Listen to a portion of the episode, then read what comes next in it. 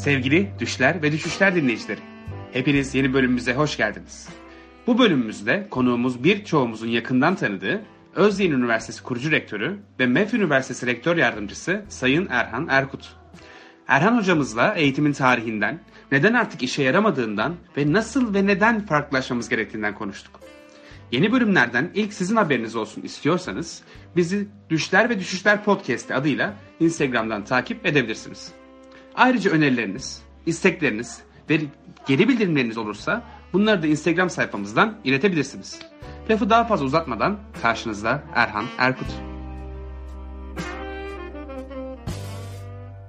Geldiniz. Nasılsınız? Merhaba. Nasıl? İyiyim sağ ol sen nasılsın? İyi hocam bize çok teşekkür ederiz. Çok heyecanlıyız.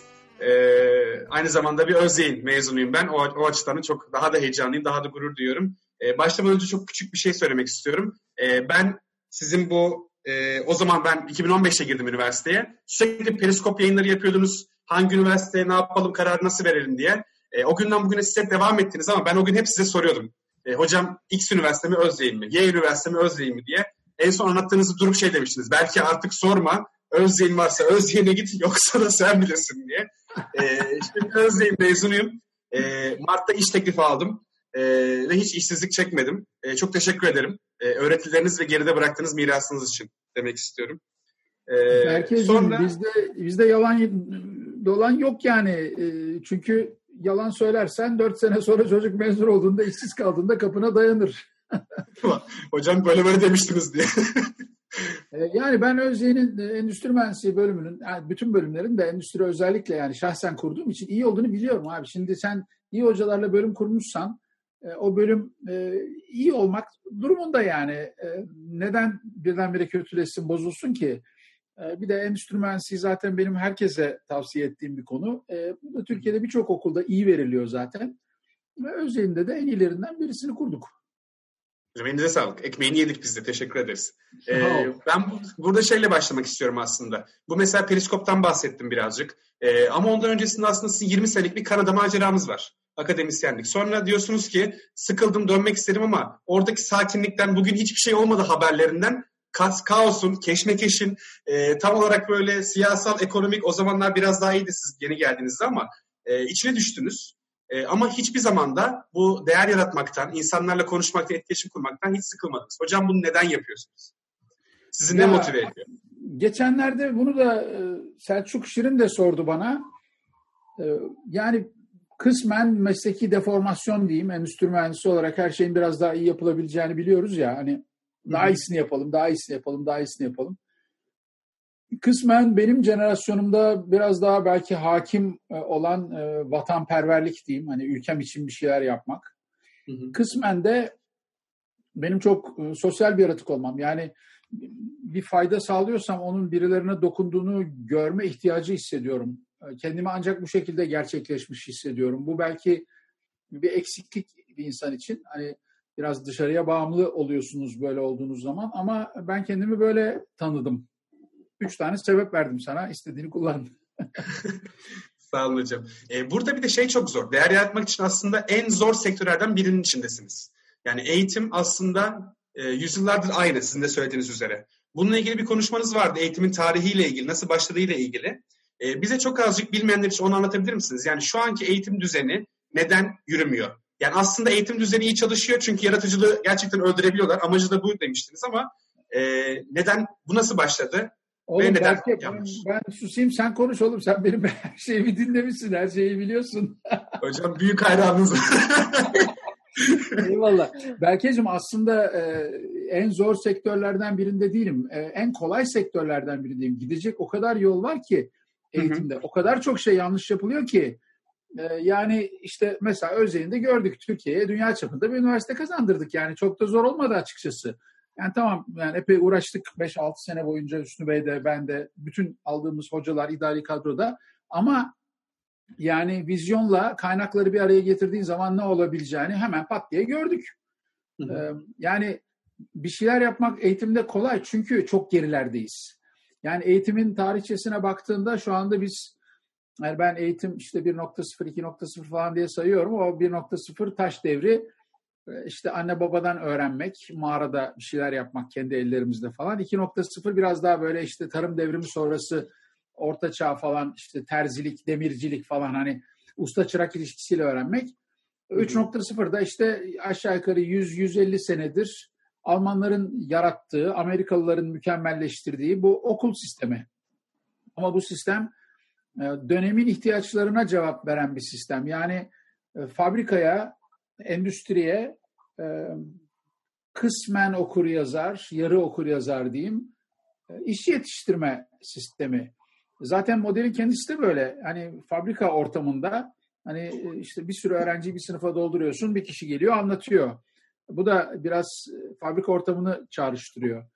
Amaç işte saatine bakmayı bilen, kendisine verilen komutları uygulayabilen, biraz okur yazar olan, biraz aritmetikten anlayan birisini yetiştirmek. Yaratıcılık bunun hiçbir yerinde yok. İnisiyatif alma bunun hiçbir yerinde yok. Duygusal zeka hiçbir yerinde yok. Yani aslında robotların olmadığı bir dünyaya robot yaratmaya çalışan bir sistem bu eğitim sistemi. E biz bunu almışız, yüceltmişiz, kutsallaştırmışız ve hala e, eskisi eski haliyle uygulamaya çalışıyoruz. Ama artık gelecekte ihtiyaçlar çok farklı. E, eğitimin oluşturması gereken, ortaya çıkarması gereken insan kalitesi çok farklı.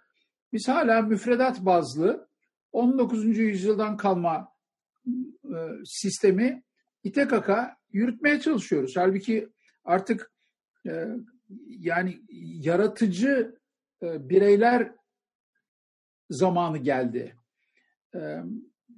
Kendisine verilen emirleri uygulayacak insan değil, emirleri sorgulayacak, emir vermen gerekmeyeceği insanlar e, üretmesi gerekiyor eğitim sisteminin. Ama eğitim sistemi bunu yapmaktan e, aciz çünkü yaratıcılığı ve inisiyatif almayı zaten törpüleme üzerine kurulmuş. Eleştirel düşünme, problem çözme zaten yok eğitim sisteminin içinde. İşin acısı takım çalışmasıyla iletişim de yok. E, işverenlere soruyorsun takım çalışmasıyla iletişim diye ağlıyorlar. E, eğitim sistemi bunu nerede geliştiriyor? Yani siz şanslı bir okulda okuyorsunuz. Birçok grup projesi yaptınız. Takım çalışmasını pratikleme fırsatınız oldu ve bunları sundunuz. E, tipik Türk Üniversitesi'nde böyle değil ki durum.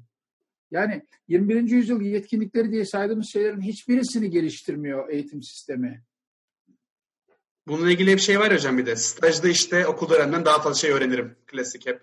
E, çünkü biraz daha kurumdan e, yani sektörden biraz daha bağımsız. Orada bizim belki ne şansımız e, hani her üniversitenin bir kimliği olur. Mesela Bilkent daha araştırmacı bir üniversitedir. E, asıl o daha biraz daha akademiktir. Özyeğin biraz daha sanki sektör üniversitesi. Birazcık daha aslında sektör iç içe bir üniversite vizyonu vardı. Belki o adım da bizim adımıza iyi olmuştur diye düşünüyorum. Valla yani bu dediğin son analizde doğru. Şimdi Özyeğin'den araştırma çıkıyor. Özyeğin bir araştırma üniversitesi. Çok net bu. Hı hı. Ama şimdi araştırma boyutunda Bilkent'le, Koç'la yarışıp onlardan bir iki üç makale fazla yazmak üniversiteyi ne kadar ileriye götürür? Bu mudur yani üniversitenin altına imza atacağı değer teklifi? Ee, yani mesela işletme, sen endüstri mühendisliği mezunusun ama Hı-hı. işletme fakültelerinde staj yoktu. Özdeğinde biz başlatana kadar. E, bence bu daha büyük bir katkı. Üniversite olarak daha güzel bir imza. Hazırlık bitiren çocuğa staj. Bu bir Özyeğin inovasyonudur. Tamam mı? Kredi stajlar, evet. Hı hı. Yani tezgahtarlık yapacaksın abi. Ne yapacaksın ki zaten? Hazırlığı daha yeni bitirmişsin. Alanla ilgili hiçbir şey okumamışsın. Tabii ki tezgahtarlık yapacaksın. Üstelik tezgahtarlık stajının ne kadar değerli olduğunu öğrenciler yaptıktan sonra görüyor. Açıkçası ben de ilk başladığımızda hmm falan diye bir acaba diye sorguladım. Sonra baktım ya bu bir hayat stajı abi. Çocuk hayatında para kazanmamış, çalışmamış çocuğu. Tezgahtarlık, başka ne yaptıracaksın ki zaten? Ya kasiyerlik yaptıracaksın, ya garsonluk ya tezgahtarlık yaptıracaksın. Ee, Özye'nin bunlarla bilinmesi, girişimcilikle bilinmesi, sadece bireysel değil kurum içi girişimcilikle bilinmesi bence daha önemli bir değer teklifi.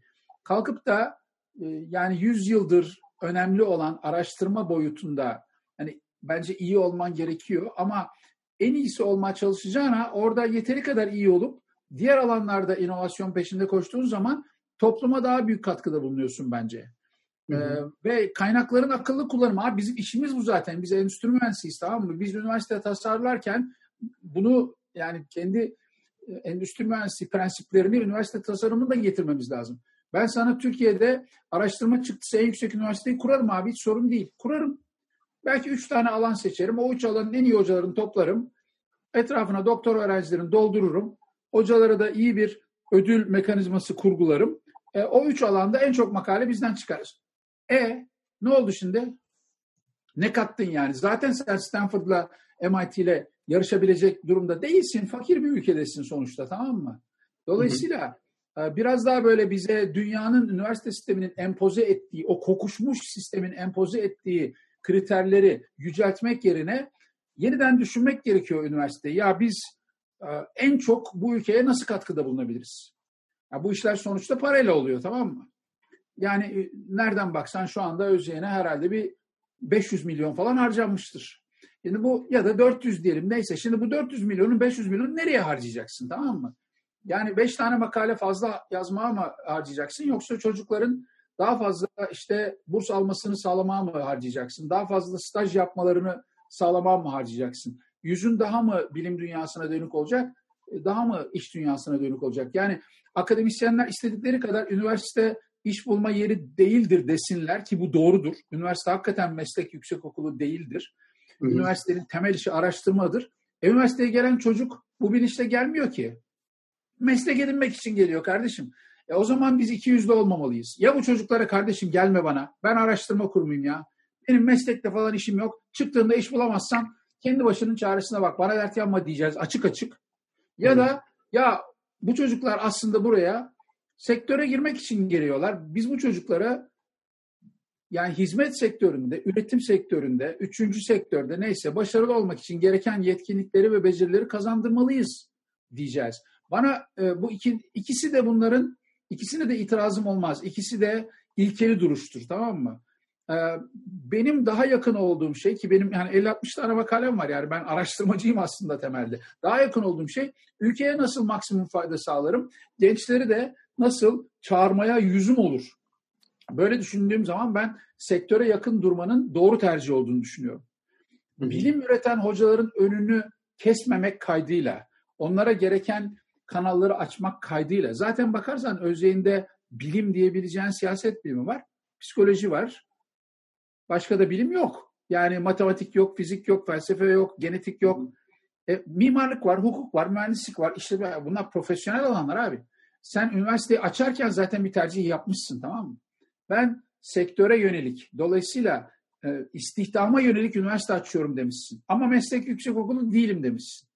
Benim mezunum yurt dışında çatır çatır yüksek lisans yapabilir demişsin. Ben buna temel bilimsel altyapıyı vereceğim demişsin. Dolayısıyla Özyeğin bu verdiği sözleri yerine getirebilen bir üniversite.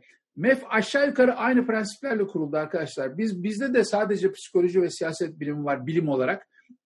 Geri kalanların hepsi mimarlık, hukuk, işletme, mühendislik. Ee, özlerinde olmayan eğitim var bizde. O da meslek. Ee, bizde olmayıp özlerinde olan e, işte uzay, işte uzay hava havacılık var. Ee, o da meslek. Dolayısıyla bir de MEF'i biz Maslak'a kurduk. Ya kusura bakmayın biraz sizin kampüs e, çok güzeldir. Ama biraz biraz e, öte öte kaldı. Ee, hı hı. Yani e, yapmak istediğin şeyle tutarlı adımlar atıyorsun tamam mı? Mesela özel sektöre yakın olacağım diyorsun. O zaman şehrin merkezine kurmak üniversiteyi doğru. Mesela staj. Biz burada siyaset bilimine bile staj koyduk. Bizim psikoloji öğrencilerimiz bile staj yapıyor. E çünkü hı hı. ben biliyorum bu siyaset bilimi öğrencisi siyaset bilim insanı falan olmayacak. Gidecek işletme öğrencisiyle yarışacak tamam mı? Hı hı. E o zaman benim o çocuğa bir şans vermem lazım. Ya siyasette staj mı olur deyip geçmemem lazım. Yoksa o çocuğu yarı yolda bırakmış olurum. Yani o çocuk e, yani bitirdiği zaman e, işlevsiz olur, iş bulamaz hale gelir. Zaten Cumhurbaşkanlığı İnsan Kaynakları Ofisi'nin raporuna bakarsan iş bulmakta en çok zorlanan bölüm siyaset bilimi. E, çünkü e, dış işlerine e, memur yetiştiriyorsun aslında ama dış işlerine memur kapasitesinin 100 misli, 500 misli üzerinde kontenjan belirliyorsun. Dolayısıyla bu çocukları da bizim iktisatla, işletmeyle yarışacak şekilde bir formasyon vermemiz lazım. Yetkinliklerini ve becerilerini geliştirmemiz lazım. Ya gençler zaten konu müfredatta değil. Ne okursan oku, yetkinliğini ve becerini geliştirirsen, istersen siyaset bilimi mezunu ol, istersen psikoloji, istersen endüstri mezunu ol. Ee, özel sektörün sana ihtiyacı var kardeşim. Hepsinin sosyal medya uzmanına ihtiyacı var tamam mı? İçerik e, geliştiriciye ihtiyaçları var tamam mı? Siyaset okulunsa ağzın laf yapıyor demektir. Okumayı, yazmayı, araştırmayı biliyorsun demektir. Girersin içerik geliştirici olursun, sosyal medya uzmanı olursun, dijital pazarlamaya geçersin. İki tane ders alsan yeter. Hı hı. Zaten günümüz dünyasında artık ne mezun olduğundan çok ya o biraz daha kalktı hocam sen. Geç, geçmişte ne okudun? O zaman bunu yaparsın. Şimdi artık e, ne okuduğundan bağımsız yeteneklerin baz, bazında e, istediğin işi yapıyorsun gibi. Berkeciğim ee, geçmişte de öyle değildi. Ne, ne kadar geriye gittiğine bağlı tabii. Herhalde 100 yıl falan geriye gidersen belki bir Yok hocam. Ben mesela Boğaziçi'nden 1980'de mezun oldum. Benim sınıfımdan çıkanlar arasında gerçekten fabrikada endüstri mühendisi yapan ya bir kişi var ya iki kişi var. Hı hı. Hepsi ticarete girdiler, girişimci oldular, finansa girdiler, pazarlamaya girdiler. Yani e, bu e, birebir ilişki zaten aslında hiç yoktu. Mesela tıpta var bu ilişki tamam mı? Hı hı. E, Hukukta belki biraz. Var. Ama ondan sonra hızla e, yavaşlıyor. Bu, e, daha doğrusu zayıflaş, zayıflıyor bu ilişki. Hukukta bile bu kadar sağlam bir ilişki yok. Hukuku bitirip çok farklı yollara girebiliyor insanlar. Dolayısıyla üniversitedeki programla öğrencinin kariyeri arasında çok yakın bir korelasyon olmaması e, arttı bu tamam mı? Ama eskiden de yani benim dönemimde de çok yüksek değildi bu korelasyon. Çünkü üniversite sistemi çağ dışı, yeni çağ dışı kalmadı. Epeydir çağ dışı. Yani benim dönemimde de aslında yavaş yavaş zamanı kaçırmaya başlamıştı. Yani ben 1975-80 arası üniversiteyi okudum. Boğaziçi o zamanın en inovatif üniversitesiydi. İşte yeni çıkan endüstri mühendisi, bilgisayar mühendisi falan orada vardı. Ama daha ortada internet falan yok. Yani o devrim daha gerçekleşmemiş. Eğitimin eğitimde değişim için, dönüşüm için gereken teknolojik altyapı daha yok.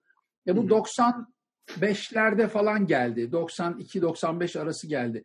Bundan sonra bu programlarla meslekler arasındaki bağlantının kopuşu hızlandı. Hocam burada girişimlere şeyi sormayı çok seviyoruz biz. Ee, şimdi mesela atıyorum geçen PPP'in kurucusunu ağırladık. Co-founderlarından bir tanesini ağırladık Emrah Yiğit'i. Ee, şimdi 2 milyon, 3 milyon indirmesi var, 2 milyon kullanıcısı var ama ilk bir sene ne oldu? Şimdi sizin de aslında iki girişiminiz var. Sadece okul olarak bile baktığımızda. Biri MET, biri Özdeğin. Ee, onların ilk bir senesinde neler oldu? Yani şu anki oldukları duruma gelmelerinde e, o ilk bir sene çok zor geçti düşünüyoruz. E, nasıl oldu? Neler yaptınız? Nelerle karşılaştınız? Berkeciğim e, aslında çok doğru bir tanımlama bu. E, Özyeğin Üniversitesi bir sosyal girişimdir. Hı hı.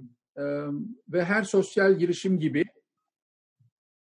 ölçeklenebilir ve sürdürülebilir olması gerekir. İkisini de kanıtladı. Yani sayılarla biz ilk başladığımızda 210 tane öğrenci aldık tamam mı? Şimdi yani 9500 civarında öğrenci var yanılmıyorsam. Demek ki senede 2000 küsur öğrenci alınıyor. Şimdi bunun daha da yukarıya ölçeklemeye kalkarsan teknolojiyle gitmen lazım. Ama üniversite ölçeği olarak düşündüğünde Özyeğin gelmesi planlanan ölçeğe geldi. Hatta biz 6000 falan gibi planlamıştık ilk başta. Sonra kampüste yani alanı bol bulunca biraz daha genişleyelim dedik. yani sürdürülebilir olması için ise bence bu ideolojik bir duruş tamam mı? Vakıf Üniversitesi bile olsa bu üniversitenin mali sorumlulukla yönetilmesi lazım ve kendi kendini çevirebilecek noktaya gelmesi lazım. Çünkü e, Türkiye'de Amerika'daki gibi böyle 1 milyar dolarlık bir fonum var. Ben o fondan her sene 50 milyon dolar faiz alacağım. O 50 milyon doları üniversiteye gömeceğim. Böyle bir konsept yok tamam mı? Yani endowment konsepti yani iki üniversitenin falan endowment'ı var belki. Ee, yani ben bundan Üstü Bey'e bahsettiğimde yani ben şimdi parayı bir yere koyacağım başkaları yönetecek oradan para kazanacağız öyle mi deyip gülmeye başlamıştı. O benim işim oğlum dedi bana. e dedim haklısınız yani dolayısıyla sizin kalkıp da başka bir yere para koymanız başka birine para yönettirmeniz çok anlamlı değil. E, e, şimdi şunu da bekleyemezsin yani birinci kuşak ailede bu işe ne kadar gönül vermiş olursa olsun ikinci kuşağın, üçüncü kuşağın, dördüncü kuşağın aynı e, gönül verişle her sene işte şu kadar milyon dolar üniversiteye gömmesini de bekleyemezsin. Yani ya bir fon olacak, sonsuza kadar giden bir fon olacak yahut da ailenin bütün kuşakları e, buna gönül verecek. Ben şunu biliyorum mesela, Hüsnü Bey'in oğlu ve kızının e, gönlü üniversitede tamam mı? Ama e, onların çocukları için ne olacak? Onların çocukları için ne olacak? Dolayısıyla üniversitenin yani e, belirli bir, bir bir yaşam süresi boyunca kendi kendini çevirebilir hale gelmesi ki bu sadece öğrenciden alınan parayla olmak zorunda değil. Araştırma fonları da var bunun. Üniversite kendine para kazanmak için sürekli eğitime de girebilir, ürün de satabilir. Bir sürü farklı yolları var. E, bu şekilde kendi kendini çevirebilir hale gelmesi değerli. E, yani son analizde vakıf konseptine aykırı bu ama gerçekçi bulmuyorum ben e, bir vakıf üniversitesinin 30 yıl, 50 yıl kurulduktan sonra hala vakıf tarafından desteklenmesini gerçekçi bulmuyorum. Burada da biz Hüsnü Bey'le zamanında konuştuk. İşte kaç sene olur bu? O bana söyledi, sektörde 3 senede kendi kendini çeviren okullar var dedi. Ben dedim o aşırı ticarethane yani o mümkün değil. Hı. 7 sene dedim ben ona. 5 sene olmaz mı hocam ilk mezunlar falan dedi. Yani dedim 5 ile 7 arasında bir yerde olur. Nitekim öyle oldu aşağı yukarı. MEF'te de aynı yoldayız. MEF'te de yani maalesef kurucumuz çok erken vefat etti. Şimdi kurucunun çocuklarına, şimdi kurucudan abi bize her sene 20 milyon ver, biz açığımız var devam edelim demek bir şey tamam mı? Adam kendi kurmuş sonuçta. Onun çocuklarına ya e, babanız öldü bize her sene 20 milyon verin biz böyle devam edelim demek ayrı. E bunu ne kadar yapabilirsin? Bir kere, iki kere, üç kere yapabilirsin. Bir planın olması lazım. Tamam mı? Bir de görüyorlar sağda solda insanlar para bile kazanıyor üniversite işinden. Dolayısıyla sürdürülebilir kılmak e, önemli ve değerliydi. E, bu amaçla yola çıktık ama orada hiç acele ettirmedi Üstü Bey. Allah için yani. Bursların nasıl yavaş yavaş zaman içerisinde değiştirileceği, aşağı çekileceği tabii ki toplamda. E, öğrenci sayısının nasıl zaman içinde arttırılacağı. Beş yıllık planla başladık biz. Ve yani bu plandan sapmalar özel sektörde ancak görülecek kadar küçük sapmalarla e, çünkü bu eğitim sektörü çok daha fazla bilinmezle çalışıyor. Sonuçta e, bir regülatör var ve senin e, mesela başıma gelen en kötü şeylerden bir tanesi Özyeğin Üniversitesi'nin son döneminde mimarlık fakültesini açarken üç tane programı aynı bölümün altından açmaya çalışmış çalışmıştım ben. Böyle bir şey yapılamaz yazmıyor hiçbir yerde. Ama eğilimler böyle değil diye zor diye reddettiler. Şimdi üç tane bölüm açacağız. Mimarlık, iç mimarlık, endüstriyel tasarım. Üçerden dokuz tane hoca almışsın. Dokuz hocanın maliyetini düşün tamam mı? Sana diyorlar ki biz bunların bir tanesini açarız. Altı hoca elinde kaldı. Bir yıl maaş vereceksin. Şimdi Özyeğin'de böyle bir adet yok. O zaman hocaları işten çıkartalım. Bunu yapmayız. E ne olacak? Altı hocaya bir yıl maaş vereceğiz ama öyle oturacaklar. Zaten bir yıl oturacak. Hazır, hazırlığa geliyor çocuklar. İki yıl oturacaklar tamam mı? Yani bu e, çok e, ağır bir darbe oldu. Bu zaten yani e, YÖK'ün e, bir, bir yerde Hüsnü Bey'le e, benim arama biraz çatlak sokmak için yaptığı bir şey olarak düşünüyorum ben bunu. Çünkü bize bir telefon etseler, abi sen ne yapıyorsun deseler, yarım gün içerisinde arkadaşlar ben bölüm, üç tane bölüm açıp üç tane bölüm başvurusu yapabilirdim. Yapmadılar bunu ve e, şeye kaldık, ek kontenjana kaldık. O sene e, getirebileceğimiz gelirin çok azını getirebildik ancak. Böyle garip belirsizliklerle uğraşıyorsun tamam mı? Mesela evvelki sene hukukta açıklar belirdi. Olacak şey mi? Hukukun dolmaması olacak şey mi yani? Ben açık söyleyeyim vakıf üniversiteleri hukuktan gelir para, endüstri mühendisinden gelir, psikolojiden gelir, mimarlıktan gelir. Diğer bölümlerde bunu kullanırlar. Yani subsidize edilirler tamam mı? E şimdi bu kesin para geliyor dediğim bölümlerden hukuk tökezlediğinde, mimarlık tökezlediğinde ne yapacaksın sen şimdi? Ee, başka bir yerden gelir yaratman gerekiyor veya giderleri azaltman gerekiyor. Ee, dolayısıyla çok ciddi bir belirsizlik ortamı içinde çalışıyorsun. Buna rağmen aşağı yukarı planlar tuttu diyebilirim. Ee, yani tabii Hüsnü Bey'in durumunun iyi olmasının bunda çok büyük e, katkısı var. Yani 20 yerine 21 zarar edince, açık verince ya da 20 22 açık verince e, yani hoşuna gitmese de e, ben bu parayı veremem diyecek bir insan değildi. Rahatlıkla bunu kaldırabilecek biriydi ve biz de o şekilde ödün vermeden büyüdük. Yani planlarımız çerçevesinde büyüdük yani bir girişim olarak düşündüğünde şanslı bir girişimdik. Çünkü çok iyi bir yatırımcı vardı. Enerjik de bir girişimci vardı. bir araya geldi ve gerçekten ben 5 sene yani zaten ayrılırken şunu yazdım ya her kurumun dönemleri vardır. Benim işim kurmak. Ben kurdum tamam dedim oldu yani. Bundan sonra gider bu. Temel sağlam, temeli iyi attık. Gerçekten çok sağlam temel attık arkadaşlar. Yani biz ilk yıl bütün hocaları yurt dışından getirmekle çok önemli bir mesaj verdik sektöre.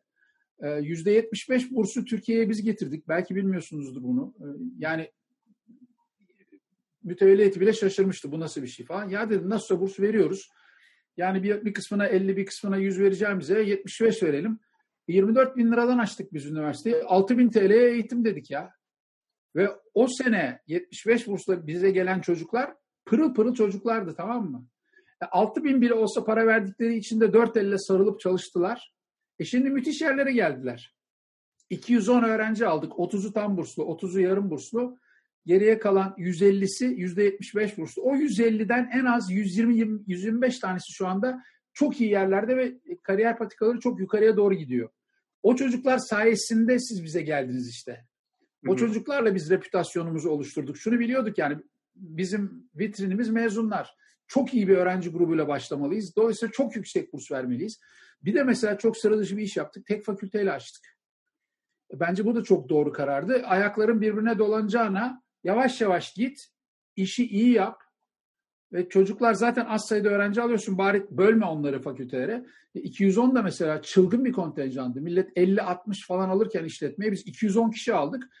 O sene hiç unutmuyorum Diyarbakır Üniversiteleri böyle kaldılar.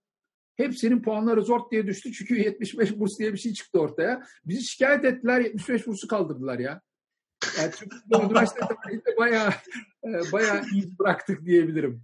Pek, pek sevmez beni Diyarbakır Üniversiteleri. Bey'in parasını kullanıp bizi işte üzüyor falan.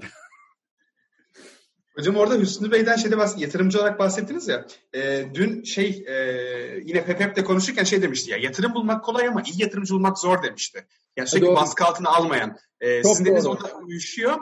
Hüsnü Özyeğin geçen sene işte okula gittiğimizde her bir adayın tek tek masasına oturup tek tek üniversite neden kurduğunu anlatan bir adam. Her hafta sonu zaten gelip okulu anlatıyordu. Ekstra fırsat bulunca okula gelir. E, bir de iyi Beşiktaşlı bir locası vardır. E, sürekli boş kalmaz. Kendi gelmese bile bizi hep gönderir.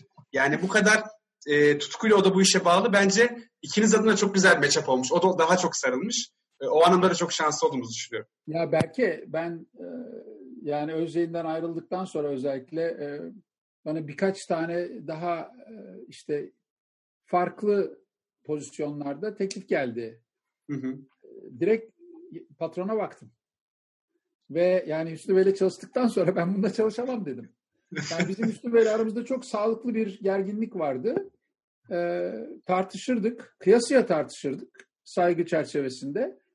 Ee, sonunda yani kimin dediğin olacağı kesin değildi. Dinlerdi yani Hüsnü Bey.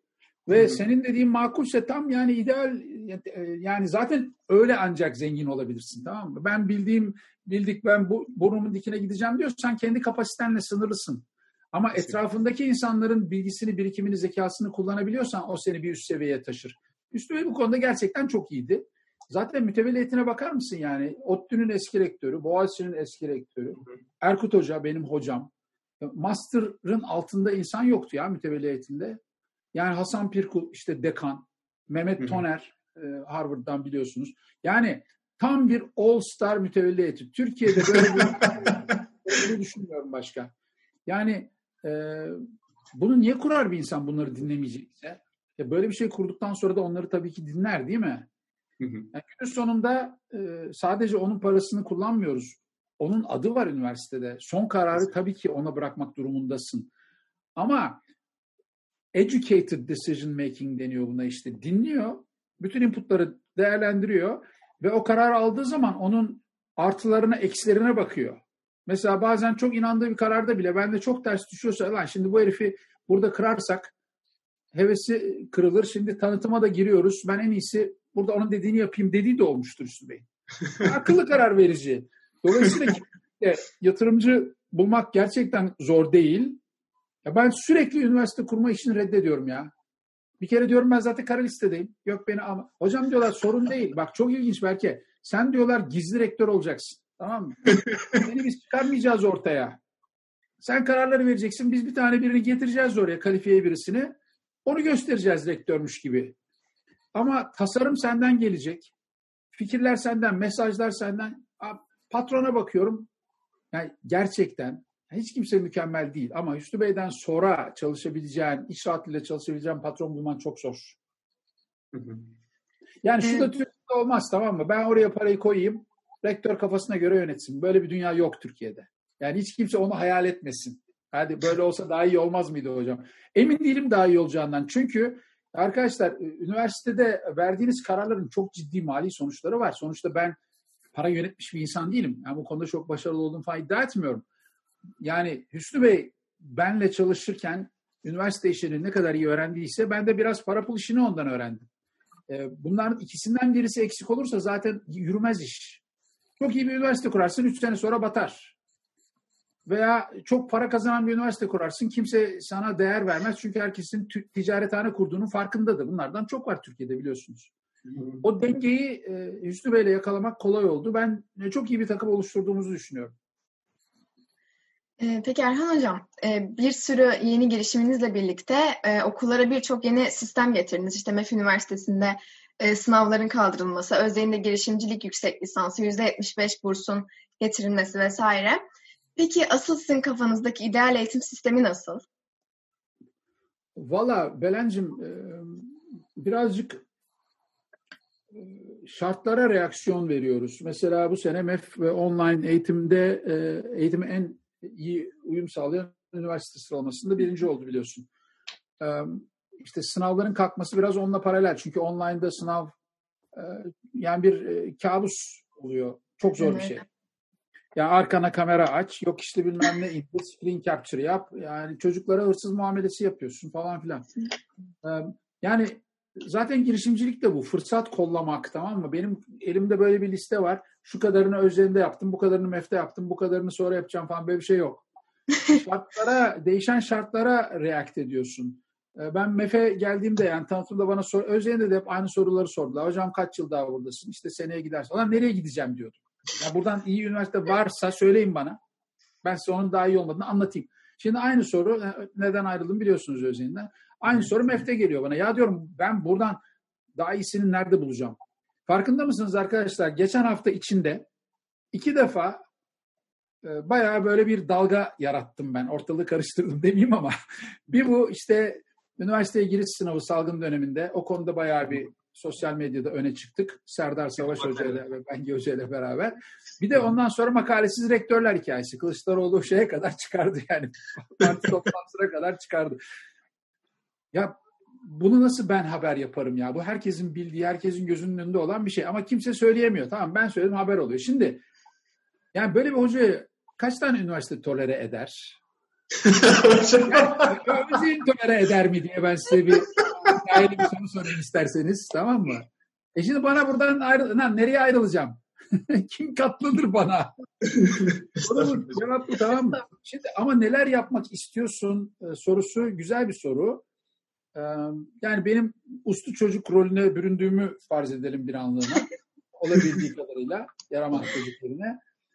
Benim hayalimdeki sistem bir kere bir üniversite değil. MEF'e ilk geldiğimde şunu söylüyordum. Ben buradan ne zaman giderim? Ancak sadece girişimcilik üniversitesi açılırsa veya her öğrenci sonsuza kadar yüzde yüz burslu okuyacak diye bir üniversite açılırsa buradan ayrılırım dedim. Muhammed Hoca onlar zaten olmaz dedi. Güldü geçti.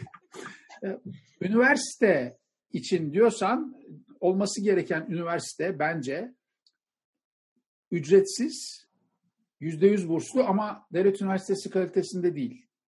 Özyeğin kalitesinde, MEF kalitesinde ücretsiz bir üniversite. Bu güzel bir e, alternatif. Diğeri de sadece yüksek lisans, sadece girişimcilik. Alacağız mühendisleri, onların iş kurmasına destek vereceğiz. Bir yıllık yüksek lisans programı. Yani bir hızlandırıcı gibi düşün bunu. Hızlandırıcı bootcamp, işte e-tohum, Yirvak, e, işte Koç'un e, girişim fabrikası, işte Koç'un e, kuluçka merkezi hepsini bir araya koy.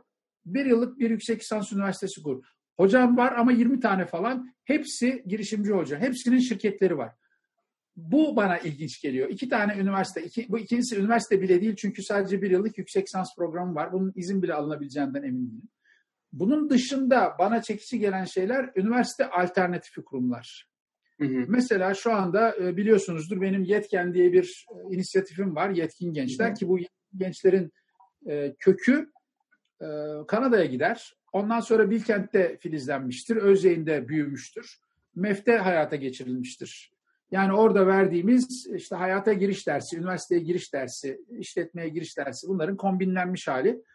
E, buradaki vurgu müfredat odaklı değil, yetkinlik odaklı eğitim.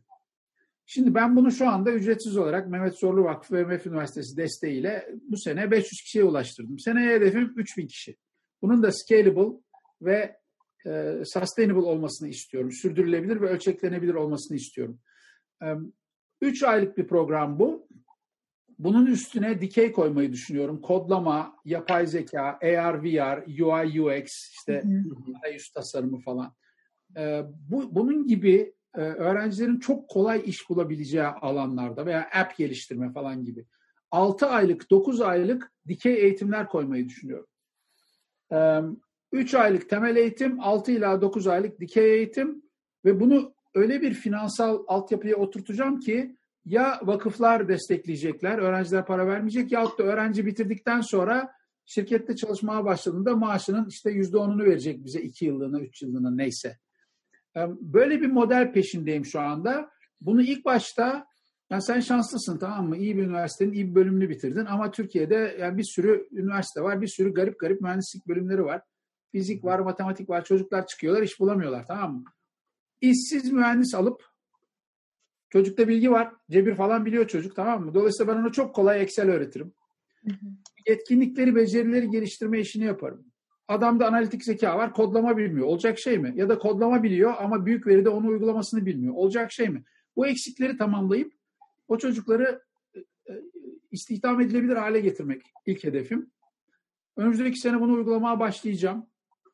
E, ondan sonra da üniversite alternatifi olarak konumlandırmak bunu. Yani ilk başta üniversite mezunlarını alıp istihdam edilebilir hale getirmek. Biraz duyulduktan sonra da ya kardeşim Hukuk okuyacaksan git oku, tıp okuyacaksan git oku. Ama IT ile ilgileniyorsan, bilişim teknolojileriyle ilgileniyorsan üniversite 5 yıl okumana gerek yok. Gel ben sana bu eğitimi vereyim diyebilmek. Özellikle girişimci olmak isteyen, kendi işini kurmak isteyen, kendi kodunu yazmak isteyen e, lise mezunlarına, bilinçli lise mezunlarına hitap eden bir program.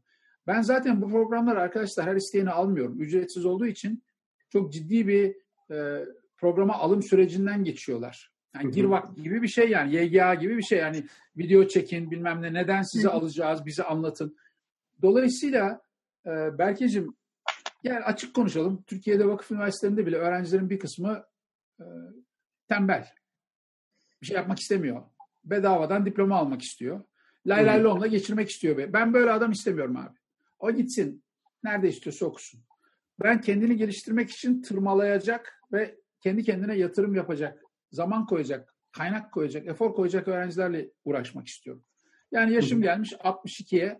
E burada belki 20 yıl daha, belki 30 yıl daha çalışırım. O 30 yıl içerisinde 3-4 bin tane girişimci yetiştirmek hedefliyorum ben. Ya yani 3-4 bin tane ileride şirket CEO'su olabilecek kapasitede insan yetiştirmeyi hedefliyorum. Dolayısıyla e, bilinç düzeyi düşük e, ve baba parasıyla falan yaşamayı hedefleyen, kendi yapmadığı şeylerle hava atmakla falan uğraşan insanlarla e, zaman kaybetmek istemiyorum. Hı hı. İnşallah onlar doğru yolu bir gün bulurlar. Ama bunun yanında bir de Türkiye'de fırsat eşitsizliğinden dolayı istediği yere gelemeyen çok sayıda öğrenci var. Ben onlara destek olmak istiyorum. Yani gelecekteki planım bu. Üniversiteyi kırmak bir yerde. Üniversitenin gereksizliğini topluma anlatıp, üniversitenin hatalarını, eksiklerini ekspoze edip, şimdi ben bunu yaptığımda üniversiteler ne yapacaklar? Panik olacaklar tamam mı? İlk önce kapattırmaya çalışacaklar beni YÖK'e falan. Şikayet edecekler. Bakacaklar ben üniversite falan değilim. Kapattıramıyorlar. O zaman ulan bu herifi biz e, yani eğemiyorsak, bükemiyorsak bunun eğitiminden nasıl fayda? Mesela şimdi bu aralar bazı e, yeni startuplar görüyorum. Yetken gibi eğitim veriyoruz diyorlar. Çok hoşuma gidiyor tamam mı? Ya, o zaman sen gel yetkeni kopyala abi. Benim yaptığım şey atla deve değil bana sorarsan. Yani Özyeğin'de verdiğim sunum teknikleri eğitimi, takım çalışması eğitimini veriyorum ben yetkenin içinde. Yani Özyeğin'den hala öğrenci geliyor bana sağ olsunlar ama yani bilinçli üniversitelerin e, üniversitelerin bir kısmında bu eğitimlerin bir kısmı zaten veriliyor. Şimdi hı hı. ben onu gitgide büyüttüm. Bu sene işte mindfulness da ekledik, sağlıklı beslenme ekledik, işte stres yönetimi falan ekledik.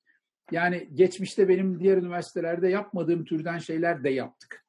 E, değer teklifini büyüttük yani. Ama yaptığım şeylerin hepsi kopyalanabilir. Buyurun gelin kopyalayın diyorum. Ya da beni satın alın. Yani sen kendi öğrencilerin hepsine bu eğitimi zorunlu tut. Bana öğrenci başına belli bir kredi başına para ver. Benim dersim senin, yani sonuçta ben arkamda MEF Üniversitesi var. Ben MEF kredisi veriyorum zaten gelen çocuklara. Bu dersi bitirenlere MEF'ten kredi veriyorum. E sana da kredi vereyim. Yani benim kredimi transfer et. Başka üniversite. Ben de legitimate bir üniversiteyim yani. E, böyle bir planım var. E, bu şekilde üniversiteye bir alternatif oluşturup üniversitenin dönüşümünü hızlandırmaya çalışıyorum. Hocam bununla ilgili hafif girişimcide de geçmişken oradan devam etmek istiyorum ben biraz daha. E, şimdi geçen e, zirvelerinizden bir tanesinde şeyi fark ettim. Hande Çilingir çıkmış sizle beraber. E, onu izledim. E, Türkiye'den de ilk unicornumuz sonuçta çıktı. E, Zinga'nın satın alımıyla beraber peak ilk unicornumuz oldu. E, siz de orada söylemiştiniz. Ben de öyle bir beklentim var. Çok istiyorum. Insider next unicorn olur mu acaba diye hep böyle beklenti içerisindeyim. Türkiye'deki ekosistemi siz nasıl değerlendirirsiniz? E, daha fazla unicorn yakın zamanda çıkar mı? Ya da girişimcilere ne tavsiye edersiniz? Biraz onları alsak çok iyi olur. Berkeciğim, Türkiye'den e, Türkiye'deki girişimler ekosisteme rağmen başarılı oluyorlar. Ekosistem sayesinde başarılı olmuyorlar.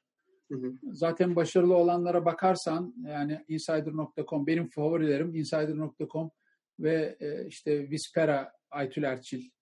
E, hı. Bunlar Türkiye dışında zaten iş yaparak büyüyen şirketler. Türkiye'deki ekosistem nereden tutsan elinde kalıyor diyeyim sana. Yani PayPal'i kapattık tamam mı? Uber'i attık, Airbnb attık. Şimdi Twitter'ı kapatmaktan bahsediyoruz falan. Ee, mesela Pembe Pancur diye bir girişim vardı. Ee, kapattılar adamlar tamam mı? Ulan arkadaşlık sitesi bu. Yani bırak gitti Ankara'ya yapmayın etmeyin falan zorla açtırdı. Ya adamlar kafalarına göre açıyorlar, kapatıyorlar. GitHub'ı kapattılar bir süre ya. Yani e, bu kadar yasakçı bir ortamda yani direkt olarak sana zarar veriyor. Sağa sola kayyum atanan bir ortamda. Ben burada şirket kuracağım. E ya belli bir yere geleceğim. Ondan sonra söylediğim bir şey beğenmeyecekler sosyal medyada. Pat kayyum gelecek falan mesela. Mesela ben bu kayyum konseptini yabancılara nasıl anlatırken bayağı zorlanıyorum yani. Ee, böyle bir ortamda yani Türk çocuğu girişim niye kursun? Nasıl başarılı olsun? Neden Türkiye'de kursun? Neden Türkiye'de kalsın? Bir de yani temel özgürlükler bir kere girişimin başarılı olması için, girişimin hayata geçebilmesi için, girişim fikrinin doğması için e, itirazdan çıkıyor girişim.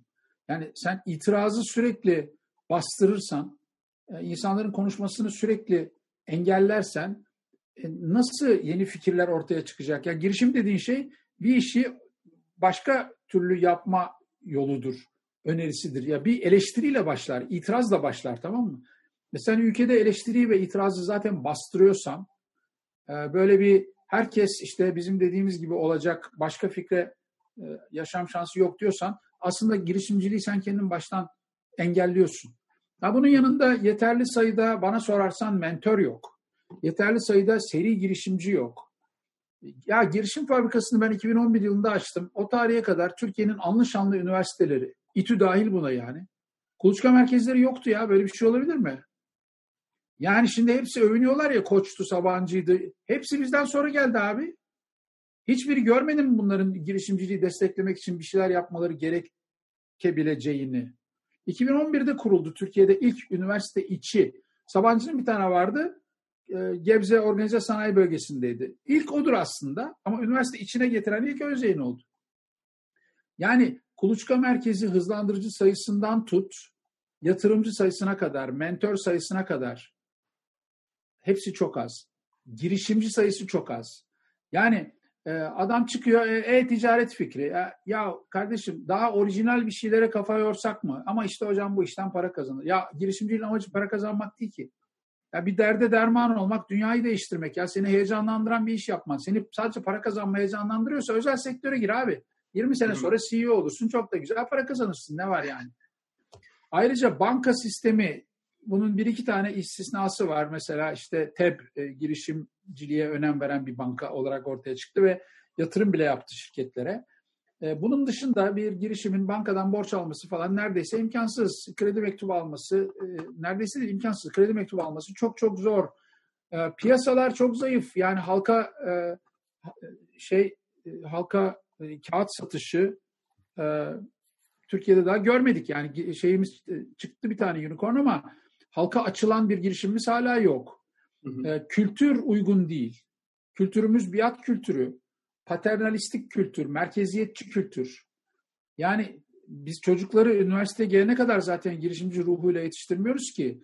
Riskten korkan bir e, genel ülke yapımız var.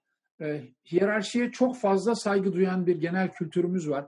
Bütün bunları bir araya koyduğu zaman Türkiye'den bence Türkiye e, başarılı ya. Yani buna şükretmek lazım hakikaten. E, bayağı bayağı girişim çıktı. Bayağı deli çocuklar varmış. Helal olsun yani. Yurt dışında da başarılı oldular. Türkiye'de de başarılı oldular. Tabii bunun bir sebebi de Türkiye'de alternatifler e, çok kötü, çok zayıf. Yani girişimci olmayacaksın da ne yapacaksın abi? Belki iş buldum diyorsun. Kaç para abi? Üç kağıt mı? Hayırlı olsun abi. Belki dörttür yani. Şansın varsa dört. Hayırlı olsun abi. 2000 lirayı ver kiraya göreyim seni. 1500'ü ver kiraya yaşa bakayım hadi o parayla. Zaten gideceksin seni herifler sanki senin sahibinmiş gibi davranacaklar ya. Onu isteyecek, bunu isteyecek. Yani online'a geçtin diye 7-24 çalıştıracak adam seni. Bu ne la diyeceksin sonunda yani. Böyle bir ortamdan yani zorla girişimci çıkarttırıyor özel sektör tamam mı? Size değer vermiyorlar, para vermiyorlar, statü vermiyorlar. E siz de bir müddet sonra ya bu ne kardeşim diyorsunuz, bırakıyorsunuz. Batsam da çıksam da hiç olmazsa kendi ailelerimin peşinden koşayım diyorsunuz. Yani ben dolayısıyla özel sektörün bu çalışan odaklı olmamasını Türkiye'de girişimciliğe en büyük katkılardan biri olarak görüyorum. Yani e, belki hakikaten ben e, gurur duyuyorum Türkiye'de girişimciliğin geldiği noktadan ya. E, bunu bu çorbada bir miktar tuzum olduğunu da düşünüyorum. E, çünkü girişimci üniversite diye kurduk biz Özyeğin'i. Hayatınızın girişimi hatta sloganında hocam evet. Efendim? Sloganı Hayat, bile hayatınızın girişimi. Tabii o slogan benim dönemimden kalma. E, hatta ben sana bak bir daha önce söylemediğim bir şey söyleyeyim. Bizim üniversite kurulurken motto inovasyon olacaktı. Ben dedim ya inovasyon overused. Herkes bunu kullanıyor. Bir de yani what, what does it exactly mean? Yani yenilikçilik ama çok güzel yenilikçilik. Ya yani şimdi bu e, şey, şey gibi motherhood and apple pie gibi yani kim itiraz edebilir ki yenilikçiliğe abi? Bu bir e, ger gerçek bir değer teklifi değil. İnovasyon yerine girişimciliği kullanmalıyız dedim. Bir de dedim ya Türkiye'nin bir numaralı girişimcisi üniversite kuruyor. Ne inovasyonu kardeşim dedim. Girişimcilik diyeceğiz buna dedim. İkna oldular sağ olsunlar. Ve girişimci üniversite diye çıktık biz. Üçüncü kuşak üniversite diye çıktık. Hı hı. E, ve yani e, hatta hiç unutmuyorum e, Üstü Bey küçük üstüler yetiştirecek falan diye bizim girişim döneminde. yani bence bu güzel bir e, şey tagline. Yani iyi bir e, iletişim e, metodu. E, ama yani bu bizim üniversiteye geldi. Bizden sonra başka üniversiteler de çıktılar. İşte biz de girişimciyik falan diye. Hani üçüncü nesil üniversitesi falan diye. Ha ha dedim geçtim. Bana sorarsanız Özyeğin bile gerçek girişimci üniversite olamadı. Çünkü bu çok zor bir şey. Yani bir mindset değişikliği gerekiyor. Girişimciliğe en çok e, prim veren, kredi veren, yol açan üniversite oldu belki. Ama girişimci üniversite olması için hocalarından 20 tanesinin şirket kurmuş olması gerekiyordu.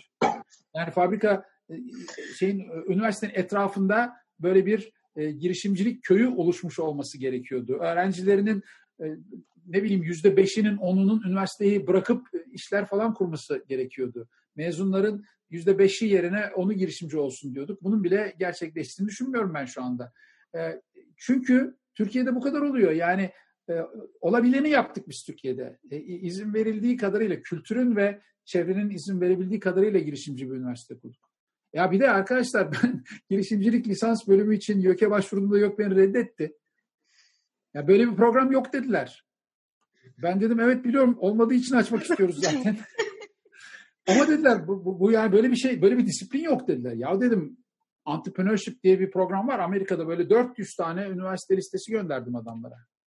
Ondan sonra da hiç unutmuyorum bir MIT e, girişimcilik MIT Mezunlar Derneği'nin bir girişimcilik etkinliğinde Egemen Bağış'ı yakaladım çıkarken. Sayın Bakanım dedim çok güzel konuştunuz girişimcilik hakkında ama ben girişimcilik lisans programı açmak istiyorum. Yok izin vermiyor. Bu nasıl olacak? Ya bir yandan milli eğitimle anlaşma imzalıyorlar. İşte liselerde girişimcilik dersi zorunlu olacak. İşte üniversiteler destek olacak diye. Yani her üniversitede bir girişimcilik dersini zorunlu yapalım diyor bir yandan yok. Bir yandan ben 40 derslik program kurguluyorum. Hayır diyorlar. Ondan sonra çalıştı abicim. Bu zort diye açıldı bizim program. Ee, tesadüfen bir kere işte YÖK'e gittiğimde ya işte niye hani açmadınız falan dedim. Ya dediler hocam biz buna nasıl sınıflandıracağımızı bilemiyoruz. Ne demek yani dedim. Şimdi bunun diploması dediler neye eşdeğer? İşletmeye mi eşdeğer, ekonomiye mi eşdeğer, e, mühendisliğe mi eşdeğer? Ya dedim bu önemli mi? Evet dediler. Devlete başvurduğunda biz bunları hangi kadroya alacağız? Abi ne diyeceğim bilemiyorum. Gözlerim büyüdü böyle koltukta geri geri gittim. Ulan dedim ben bunu hiç düşünmemiştim ya. Devlete memur olarak başvurduğunda ne denk görülecek? Ya dedim ben size bir hint vereyim. Bu bir işletme programıdır aslında. İşletme programları şirketlerin yetişmiş halleriyle uğraşırlar. Girişimcilik programı şirketin bebeklik haliyle uğraşır dedim. Akıllarına yattı, işletme, işletmeye eşit yaptılar. Yani böyle bir ortamdan bahsediyoruz. Daha fazla zaten olmazdı. Olabileceğinin en fazlasını e, Özyeğin'de hayata geçirdik. E, özetle girişimciliğin geldiği yer bence gurur duymamız gereken bir yer. Gidecek daha çok yol var. Yani bu ülkeden bu kadar çıktı. Bir de bu ortamda, e, bu ekonomik ortamda, bu sosyal ortamda, bu baskı ortamında diyeyim. Baksana şimdi Twitter, sosyal medyayı kapatacağız diyoruz. Arada Netflix gümbürtüye gidiyor. Ya ne alaka? Neymiş onun? Ya orada şey de var. O Fatih'in İstanbul Fethi ile ilgili dizi de var. Ya bir, bir reis dizisi falan mı koysak? Ne, ne bilmiyorum yani. E, Netflix'teki ya paralı içerik bu ya. Ben parayı vermişim. istediğim şeyi seyrederim. Hocam ben e, birkaç dakikadır arkanızdaki kitaplara da bakıyorum. Sizi etkileyen hani ve bize de önerebileceğiniz kitap ya da hatta sizi etkileyen insanlar var mıdır? e, etkileyen insan çok tabii. Yani ilkokul öğretmenimden başlayarak. E, ama kitaplar dediğinde e, bu aralar ya bu aralar ben da, daha çok e, üniversite e, eviren deviren kitaplar peşindeyim. Yani işte Ted Robinson, Tony Wagner falan gibi insanları okuyorum. Ama o benim mesleki deformasyonum. Benim öğrencilere tavsiye ettiğim kitaplar Daniel Pink, Malcolm Gladwell falan gibi gazeteci olup da bilimi popülerize eden insanların yazdığı kitaplar. Hı hı. Mesela Daniel Pink'in e, Selling is Human kitabı çok ilginç. Drive 2.0 kitabı çok ilginç. E, Gladwell'in bütün kitapları okunabilir. E, biraz daha ciddi olalım hocam diyorsanız e, Acemoğlu'nu tavsiye ediyorum. Daran Acemoğlu'nu tavsiye ediyorum. E, yani Startup of You'yu çok tavsiye ediyorum. Yani girişimcilikle kendini geliştirmeyi kombinlemiş bir kitap olarak. Daniel Kahneman'ı tavsiye ediyorum. Thinking Fast and Slow. Bunlar üniversite öğrencileri seviyesinde yazılmış kitaplar. Danon'unki biraz ağır kaçabilir. Yani mühendisler biraz zorlanabilirler ama okunabiliyor. Kahneman da öyle. Psikoloji doktoralı, psikoloji hocası adam. Ama e, Gladwell ve Pink'i çok kolay okursunuz diye düşünüyorum. E, gerçek hayat ya da özel sektördeki e, kariyer e, gelişimi sürelerin süreçlerinde de e, çok faydası olacak kitaplar bunlar. Tabii arkamdaki kitaplar arasında mesela Get Shit Done'ı görüyorsunuz. yani e, bu da bu da bir mesajdır. E, işte, yani var öyle birkaç tane kitap. Subliminal mesajlar. Teşekkür ederiz. O zaman e, son bir soruyla bitirelim isterseniz. Siz de yormayalım. Tabii. Ee, yine bizim dinleyenlerimize e, bu benim hani yıllardır çok sevdiğim bir sözdür dediğiniz gibi kişisel mottonuz var mıdır? Gerçekten. ee, yani e, just do it'e inanıyorum ben. Ee, Nike'ın sloganı olarak biliniyor ama e, ya, ya yapacaksın ya birazcık hani e, execution çok önemli. Yani icraat çok önemli. E, hayallerde kalmasın. Dene, yanıl, tekrar dene, tekrar yanıl, düş, kalk, tekrar dene. Yani e, bunu da e, just do it e, özetliyor. Ya, yap ya bir şeyler yap kardeşim. Sadece konuşma, elini taşın altına koy. Sadece eleştirme, çözüm geliştir, alternatif üret. E, yani bir de Ölü Ozanlar Derneği'ni dün tekrar izledim. Ya hayatlarınızı sıra dışı yapın arkadaşlar. Ee, yani konu bu. Hayatını sıra dışı yapabilmek, kendini aşabilmek ve güzel bir hikaye yaratabilmek. Ee, mind is a terrible thing to waste. Mesela beni en çok güzel şeylerden bir tanesi beyinlerin, zihinlerin heba olup gitmesi, sıradan kalması ee, kendi kendini aşmaya çalışmaması, kendi kendini keşfetmeye çalışmaması ve o her beynin içindeki o mü- müthiş güzelliklerin orada kapalı kalması. Ee, bir moto dedin sana bir sürü hikaye anlattım ama yani kendi kendini araştırmak, geliştirmek e, ve bir şeyler yapmak gibi özetleyebilirim felsefeyi. Çok güzel hocam. Çok... Hocam çok teşekkür ederiz. İnanılmaz keyifli bir e, sohbet oldu. E, herkese çok, çok özlemişiz. Anytime. Ben Özyeğin'e de gelirim. Fiziksel olarak da gelirim. Geldim zaten her çağrıldığımda. Biz çağırmıştık. O zaman da biz çağırmıştık hocam. Başınızın belası olduk iyice. Olur mu abi ne demek böyle? O, şey, özü o var ya aldığım şey Evet, evet. hala display ediyorum yani kitaplığımda. Yani bilinçli insanlarsınız. Kadir şinas insanlarsınız. Bunlar önemli. Ve bir şeyler yapmaya çalışıyorsunuz insanlık için. Çok değerli. Beraber yapalım diyorum ben de. Çok mutlu oldum hocam. Çok sağ olun. Size hala ihtiyacınız var. Çok Teşekkür ederiz. İyi ki varsınız hocam. Tekrar görüşmek üzere. Hoşçakalın. Eyvallah sağ olun var olun. Görüşmek üzere. Güzel hocam.